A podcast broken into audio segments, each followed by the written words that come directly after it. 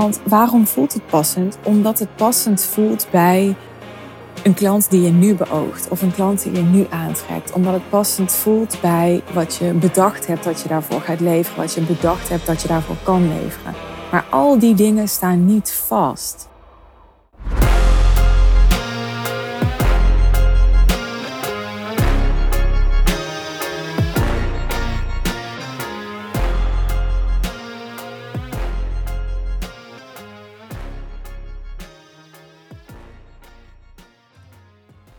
Waarom zou je een super hoge prijs gaan vragen aan je klant als je ook gewoon een goede prijs kunt vragen?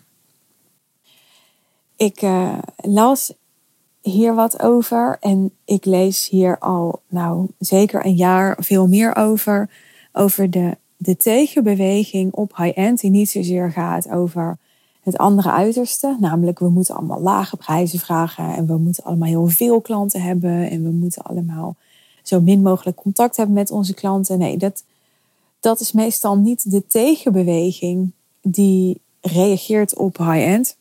Nee, de tegenbeweging is vaak dat mensen zeggen: Nou, high-end, dat is het van extreem rechts. Laat mij maar lekker in het midden zitten. Een goede prijs, een gewoon goede prijs, in plaats van een hele hoge prijs, is toch ook wel goed. Dat is veel meer de tegenbeweging die ik al een hele tijd zie op high-end. En Misschien luister jij mijn podcast, vind je mijn content interessant, maar leef jij zelf ook met zo'n idee van, nou, het inspireert mij om gewoon goede prijzen te vragen, maar zo heel high-end, ja, dat hoeft van mij niet. Er zijn zelfs klanten van mij geweest die dit soort dingen hebben gezegd. Luister bijvoorbeeld maar naar het klantgesprek met uh, Merel Hella, als je die nog niet hebt beluisterd. Zij sprak expliciet uit, nou ja, zo heel high-end, dat, dat was voor mij niet het doel of mijn verlangen. En ik vind het interessant om dit thema, dit onderwerp nog eens aan te snijden. Ik heb ja, vanuit allerlei verschillende invalshoeken in deze podcast al gedeeld over waarom je high-end zou moeten gaan. Niks moet, maar hè, wat er aantrekkelijk aan is. Uh, maar ook waarom je super high-end wilt gaan. Daar heb ik ook lang geleden een keer een aflevering over opgenomen. Ik heb ook wel eens een aflevering opgenomen over wat is high-end voor mij eigenlijk? Wat bedoel ik daar precies mee? Wat versta ik daaronder? Nou, je kunt die allemaal terugvinden op mijn feed. Leef je uit. Er zijn meer dan 350 afleveringen inmiddels.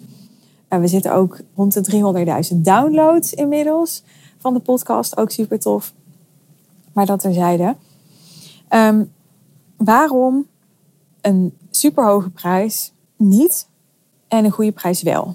Of, we kunnen het ook omdraaien. Waarom een goede prijs niet en een superhoge prijs wel? Nou, ik wil als beginnen met gelijk de tegenstelling van tafel halen. Want als iemand zegt of iemand schrijft, uh, hè, een superhoge prijs, dat hoeft van mij niet, maar een goede prijs wel, dan zeg je daarmee dus indirect dat een superhoge prijs dus niet goed is.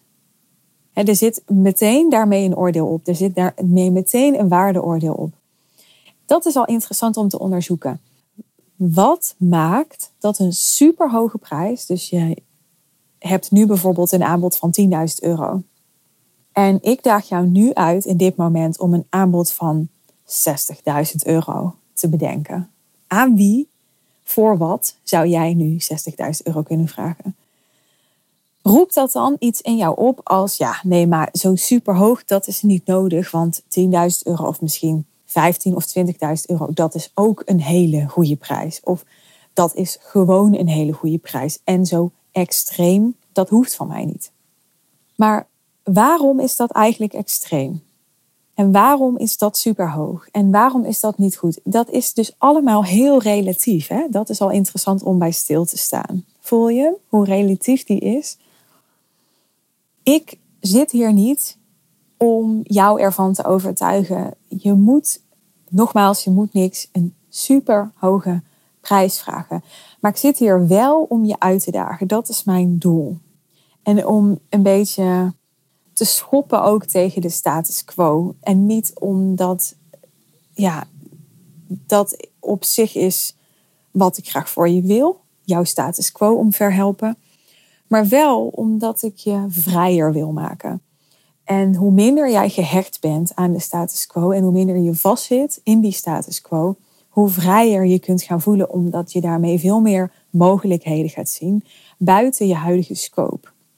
En op het moment dat je nu dus ja, bepaald hebt wat goed is, zonder nog te bevragen waarom dat eigenlijk goed is en, en op basis waarvan. En, je zou kunnen zeggen van, nou, dat is gewoon intuïtief, dat is gewoon wat klopt voor mij, dat is wat passend voelt. Dat zou een argument kunnen zijn. Tegelijkertijd, dat wat passend voelt, is ook relatief. Want waarom voelt het passend? Omdat het passend voelt bij een klant die je nu beoogt of een klant die je nu aantrekt. Omdat het passend voelt bij wat je bedacht hebt dat je daarvoor gaat leveren, wat je bedacht hebt dat je daarvoor kan leveren. Maar al die dingen staan niet vast. dus op het moment dat we al die elementen veranderen en dat jij een ander soort aanbod aan een andere klant gaat leveren en dat je dat vanuit een andere intentie en met een ander beoogd resultaat gaat doen, dan kan het ook zomaar zijn dat een, een ander bedrag heel kloppend voelt. En misschien denk je, maar waarom zou ik dat allemaal willen? Ik heb nu mensen om me heen. Ik, ik, ik zit nu in een netwerk van klanten. Waarom moet ik daar buiten? Waarom moet ik Dat moet dus allemaal niet. Alleen hoe uitdagend en prikkelend is het om jouw scope van goed te veranderen? Hoe uitdagend en hoe prikkelend is het dat dat wat jij nu high-end vindt, dat dat straks misschien je laagst geprijsde instapproduct wordt of je downsell wordt. En dat een heel ander aanbod voor een veel hoger bedrag straks is wat voor jou een goede prijs is. dus dat jouw hele, ja, jouw hele idee van wat super high-end is, gewoon een heel eind opschuift.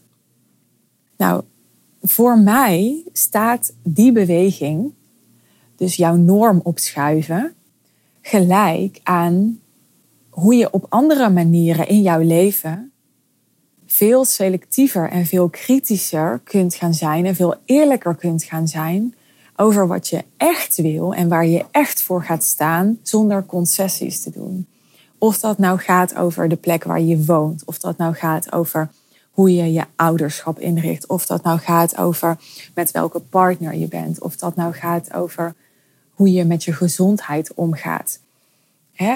Op welke manier je je lichaam behandelt.